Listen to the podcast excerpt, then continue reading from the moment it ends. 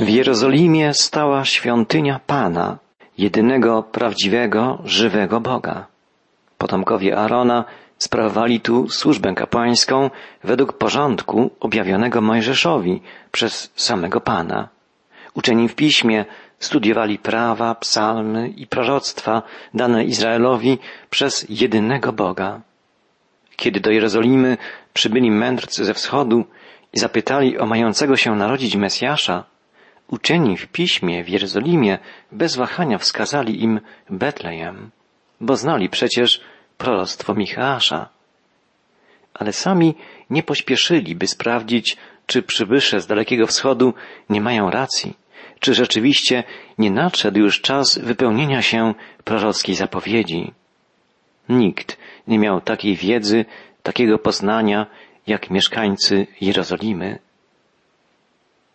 Nigdzie Bóg nie objawił w tak widoczny sposób swej obecności, swej mocy, jak tu, w Jerozolimie.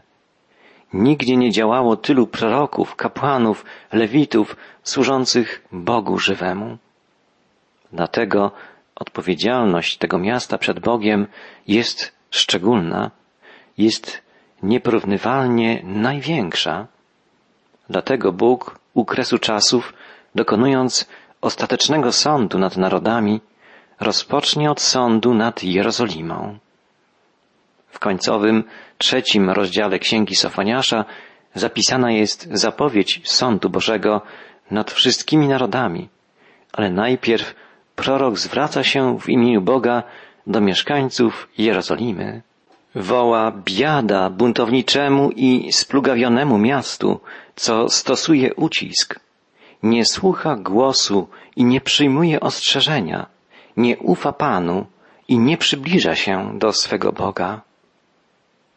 Miasto buntownicze, splugawione to surowa ocena. Pamiętajmy, że w czasie, gdy wystąpił Sofoniarz, Jerozolima była jeszcze wolna.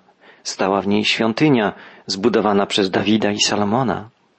A jednak prorok nazywa ją miastem plugawym i buntowniczym i wyjaśnia, dlaczego tak surowo ocenia jej stan. Sofoniarz woła, nie słucha głosu, nie przyjmuje ostrzeżenia, nie ufa Panu i nie przybliża się do swego Boga. Miasto, które miało być świadkiem żywego Boga, nie słucha Boga, nie słucha Jego głosu, jest nieposłuszne, nie przyjmuje Bożych ostrzeżeń. Zastanówmy się, jak to jest w naszym przypadku, jak to jest z naszym miastem, z naszym Kościołem. Znamy Boże Słowo, możemy go słuchać, powinniśmy słuchać Bożego Słowa, by żyć tak, jak tego oczekuje Bóg. Ale czy tak jest naprawdę? Czy nie przypominamy mieszkańców Jerozolimy, nieposłusznych, głuchych na głos Boga? Prorok Sofoniarz woła biada miastu buntowniczemu i splugawionemu. I te słowa niestety mogą być skierowane także do naszych miast, do naszego współczesnego społeczeństwa. Jesteśmy splugawieni grzechem. Jesteśmy nieposłuszni, zbuntowani. Kierujemy się egoistycznymi pobudkami. Sofoniarz woła biada miastu terańskiemu, miastu, które stosuje ucisk. W Jerozolimie uciskano ubogich, nie dbano o ich potrzeby. Czy inaczej jest dzisiaj? Jakże wielkie są dysproporcje pomiędzy bogatymi a ubogimi, żyjącymi w nędzy, nieraz przymierającymi głodem. Także dzisiejsze miasta są miejscem ucisku. Współczesny świat z niechęcią patrzy na tych, którzy potrzebują pomocy. Jest tak dlatego, że człowiek odwrócił się od Boga. Nie słucha Jego głosu, zatkał uszy na Słowo Boże. W życiu współczesnego człowieka zamiast miłości i dobroci rozpanoszyły się egoizm, chciwość, brak wrażliwości na potrzeby innych. Człowiek dba tylko o swoje dobro, o swoje interesy. Nie obchodzą go sprawy otaczających go ludzi, sąsiadów, kolegów z pracy, przechodniów na ulicy. Pomimo przebywania w tłumie, człowiek współczesny jest osamotniony. pozostawiony samemu sobie. Nie ma dziś czasu na przyjaźnie, na pomoc sąsiedzką. Ludzie często się nie znają, nawet kiedy mieszkają na tej samej klatce schodowej, w tym samym bloku, czy w sąsiednim domu. Egoizm, brak wrażliwości, współczucia, brak rozmów, brak wzajemnej pomocy. Zapewne jest wiele przyczyn takiego stanu rzeczy, ale najważniejszą przyczyną duchowego i moralnego upadku jest oddalenie się ludzi od Boga. Biada społeczeństwu, które odwróciło się od Boga i trwa w stanie buntu. Biada społeczeństwu, które jest splugawione przez grzech, które nie słucha głosu Boga, nie przyjmuje Jego ostrzeżeń, nie ufa Panu, ale polega na własnych siłach, ufa własnym możliwościom i trwa w samozadowoleniu, w buncie, w pysze, w egocentryzmie. Oddalenie się od Boga, zamknięcie uszu na Jego głos prowadzi do upadku duchowego i moralnego. Tak było w starożytnym Izraelu, w Jerozolimie. Tak jest w dzisiejszym świecie, we współczesnych miastach. W naszej Warszawie, Łodzi, Krakowie, Poznaniu, Wrocławiu, Gdańsku, Lublinie. Wszędzie tam, gdzie ludzie nie słuchają Boga, nie ufają Mu i nie przybliżają się do Niego, następuje stopniowa degeneracja, upadek moralności i wiary. Problem ten dostrzegał bardzo wyraźnie już na samym początku istnienia Kościoła apostoł Paweł. W liście do Efezjan, gdzie żyła i działała jedna z najbardziej dojrzałych i bliskich Pawłowi wczesnych wspólnot chrześcijańskich, znajdujemy przestrogi i rady apostoła, który tłumaczy, jak strzec się przed powrotem do starego życia, jak trwać w łączności z Bogiem, żeby zapobiegać duchowym kryzysom i moralnemu upadkowi. Posłuchajmy, co napisał apostoł narodów. To więc mówię i zaklinam na Pana, abyście już więcej nie postępowali, jak poganie postępują w próżności umysłu swego. Mają przyćmiony umysł, są dalecy od życia Bożego przez nieświadomość, która jest w nich, przez zatwardziałość serca ich.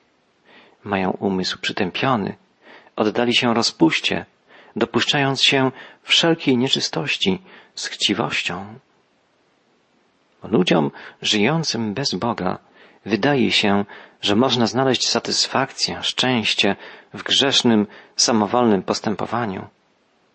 Na to zwraca uwagę zarówno prorok Sofoniarz, jak apostoł narodów Paweł. Jakże wielu ludzi żyje dzisiaj w taki sposób. Brną w niemoralność, w imię wolności. Szukają zaspokojenia w dobrach materialnych.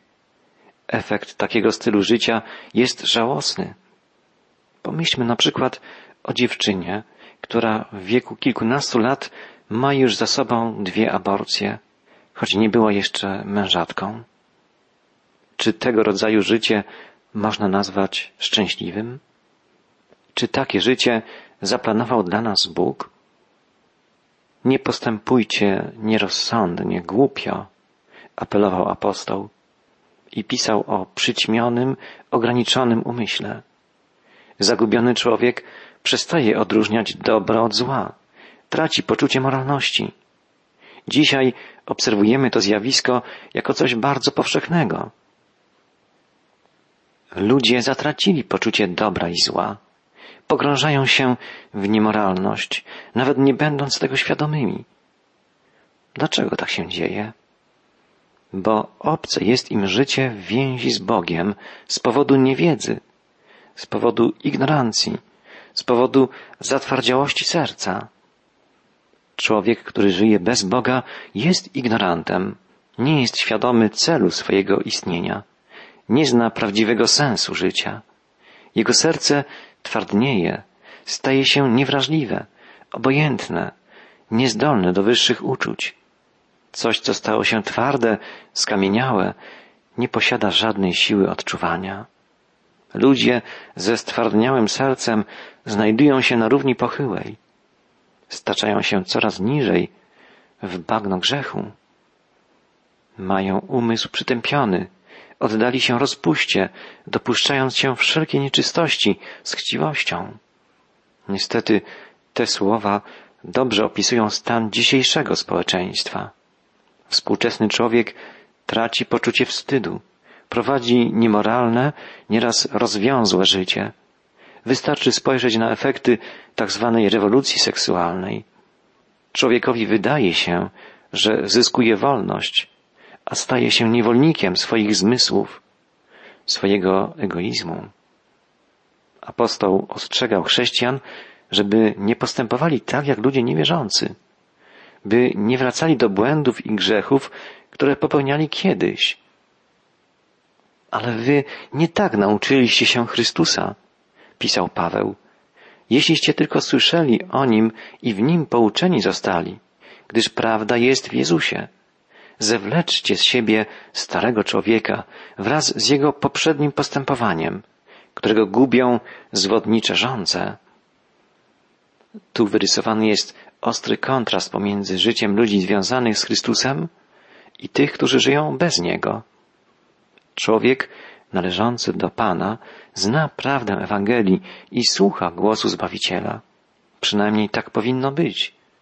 Jezus powiedział przecież, moje owce słuchają mego głosu i idą za mną.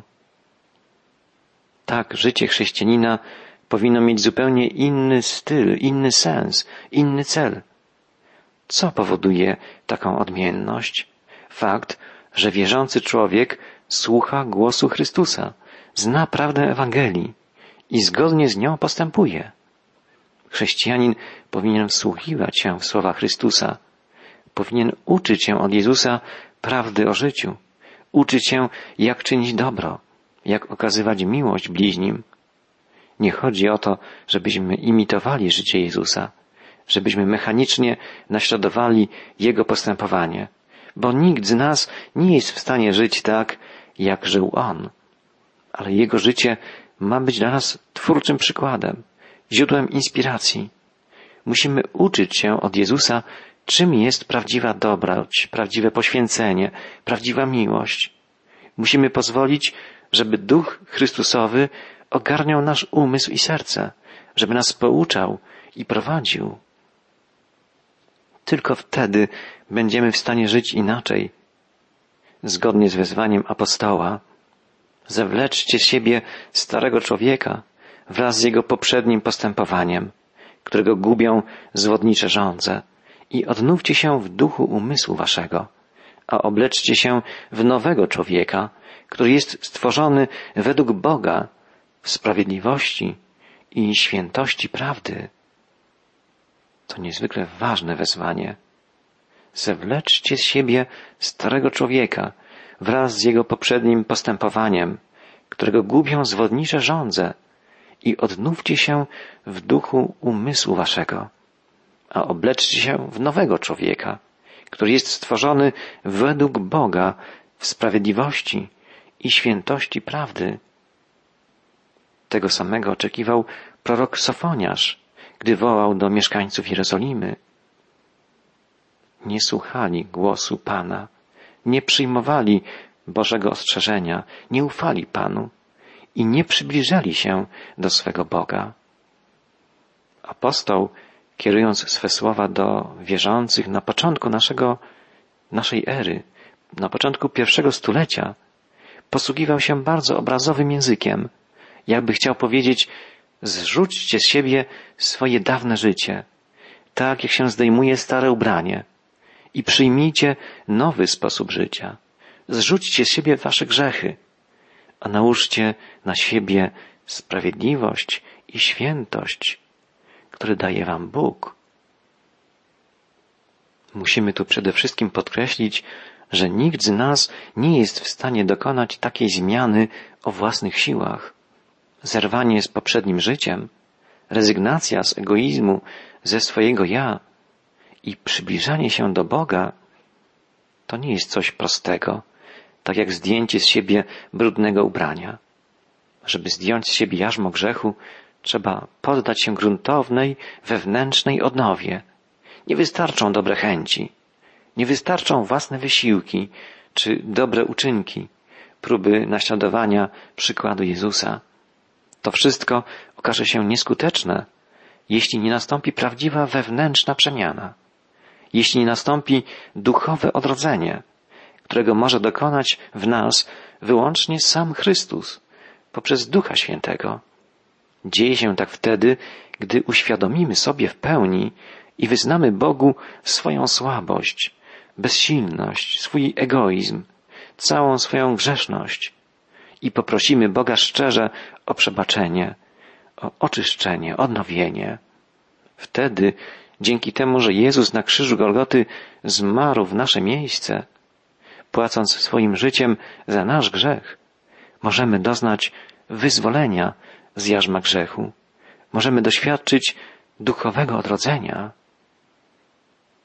Wtedy, dzięki wierze w Zbawiciela, przeżyjemy prawdę słów apostolskich zawartych w liście do Rzymian. Jesteśmy świadomi tego, że stary człowiek w nas został razem z Chrystusem ukrzyżowany, nasza grzeszna istota zniszczona, żebyśmy już więcej nie byli niewolnikami grzechu. Apostoł Paweł wyjaśniał, jesteśmy razem z Nim, pogrzebani jako umarli, abyśmy mogli prowadzić nowe życie, jak Chrystus, którego Ojciec swoją mocą wzbudził z martwych. Zrośnięci z Nim przez podobieństwo Jego śmierci, tak samo będziemy zrośnięci z Nim w Jego zmartwychwstaniu.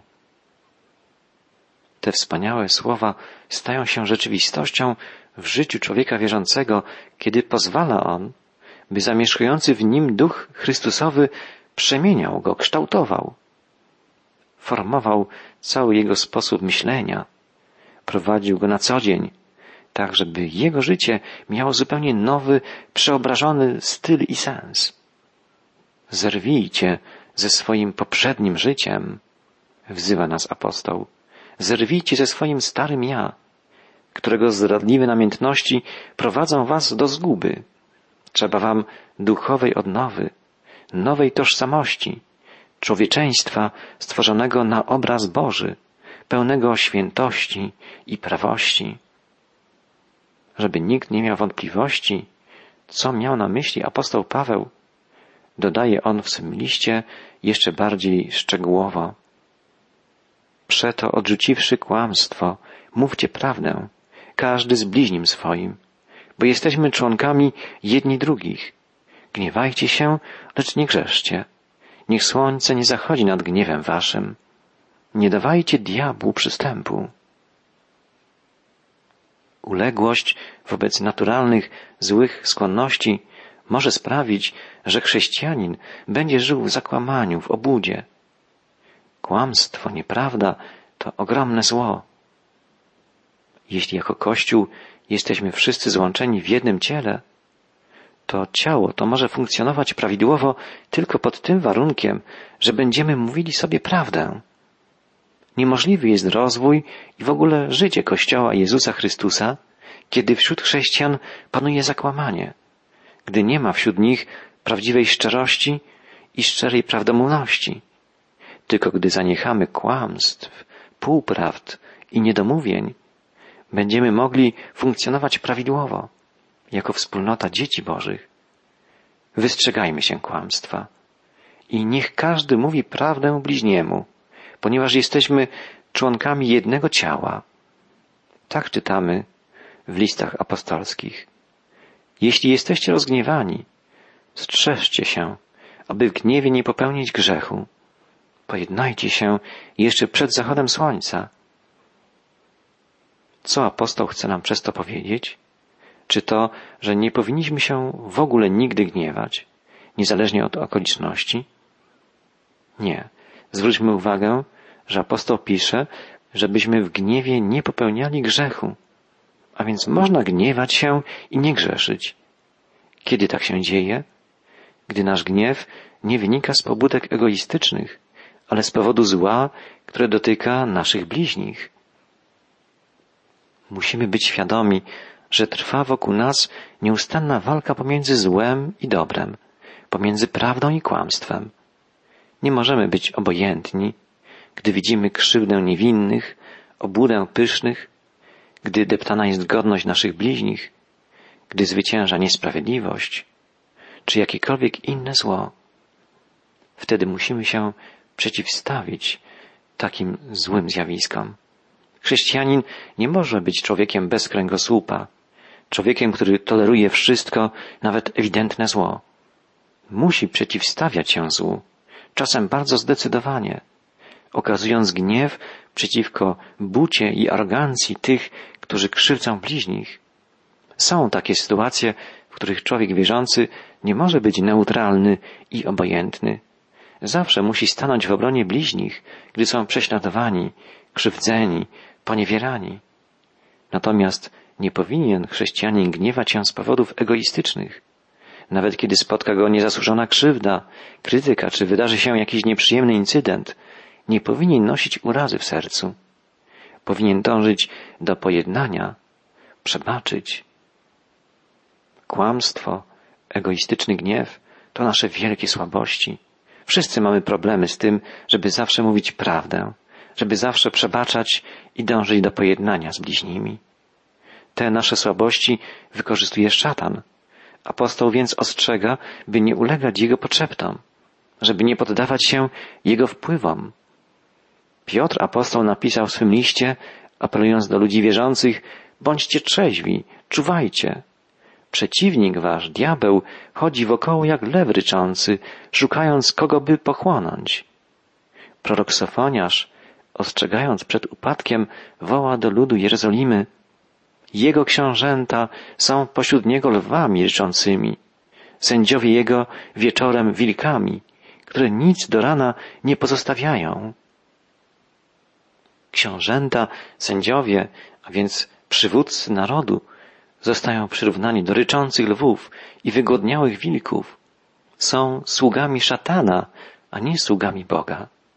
Bo zamiast sprawiedliwie rządzić, kierować narodem, dbają wyłącznie o własne interesy, o to, jak się wzbogacić, jak innych wykorzystać i złupić. Człowiek człowiekowi wilkiem, mówi mi dzisiaj. Podobny obraz znajdujemy w wypowiedzi proroka, który nieprawych, chciwych sędziów porównuje do wilków kąsających swój lud, zamiast nim kierować i troszczyć się o sprawiedliwe, prawe, zdrowe relacje. Sofoniarz piętnuje nie tylko politycznych przywódców Jerozolimy. Woła dalej, prorocy jego są lekkomyślni, mężowie wiarołomni, jego kapłani zbezcześcili świętość, pogwałcili prawo. Także kapłani, a nawet prorocy okazali się niewierni, wiarołomni. Sami łamali Boże prawa jakże więc mogliby nauczać ich skutecznie innych? Przecież głosiciel Bożego Słowa musi przede wszystkim służyć własnym przykładem. Jeśli postępuje w sposób bezprawy, lekkomyślny, nieodpowiedzialny, zasługuje na surową karę Pana. Bezcześci Jego świętość. Apel Bożego Proroka jest wielkim ostrzeżeniem także dla współczesnych głosicieli Bożego Słowa. Muszą oni prowadzić integralne, prawe życie, by swoim przykładem potwierdzać moc Bożej prawdy. W przeciwnym razie stają się hipokrytami, obudnikami i zamiast prowadzić ludzi do Pana, odwodzą ich od Niego. Ale On, żywy Bóg, rozliczy wszystkich indywidualnie, objawi swoją moc, swoją sprawiedliwość. Prorok Sofoniarz woła, Pan sprawiedliwy jest pośród Niego, nie czyni niesprawiedliwości. Każdego rana wydaje wyrok. Nie zawodzi, skoro świta. Ludziom się wydaje, że ich postępki ujdą im na sucho, bo Bóg jest daleko albo go w ogóle nie ma. Ale Bóg, Stwórca i Pan, objawi swą sprawiedliwość, osądzi i wypleni wszelkie zło. Tak działo się na przestrzeni historii wielokrotnie. Sofoniarz woła w imieniu Pana, Wytraciłem narody. Ich twierdze są zniszczone. Spustoszyłem ich ulice. Także nie ma przechodnia. Ogołocone są ich miasta. Z powodu nieprawości, bezbożności zniszczone zostały miasta, państwa, imperia. Ten los spotka także Jerozolimę, bo odwróciła się od Boga. Mówiłem, bój się mnie, przyjmij pouczenie a tak nie zniknie sprzed jej oczu wszystko to, za co ją ukarałem. Poprzez usta proroków Bóg wzywał lud Jerozolimy do upamiętania wielokrotnie, ale oni popełniali nadal bezprawie, czynili zło. Nie ominie więc ich Boża kara. Przeto oczekujcie na mnie, wyrocznia Pana, w dniu, gdy powstanę jako oskarżyciel, bo postanowiłem zgromadzić narody, zebrać królestwa, aby wylać na nie moje oburzenie, cały mój gniew zapalczywy, bo ogień mej żarliwości pochłonie całą ziemię. To zapowiedź surowego sądu nad bezbożnymi. Straszną jest rzeczą wpaść w ręce Boga żywego. Szukajmy Go, słuchajmy Jego głosu, zaufajmy Mu, abyśmy ocaleli, doświadczając Jego łaski.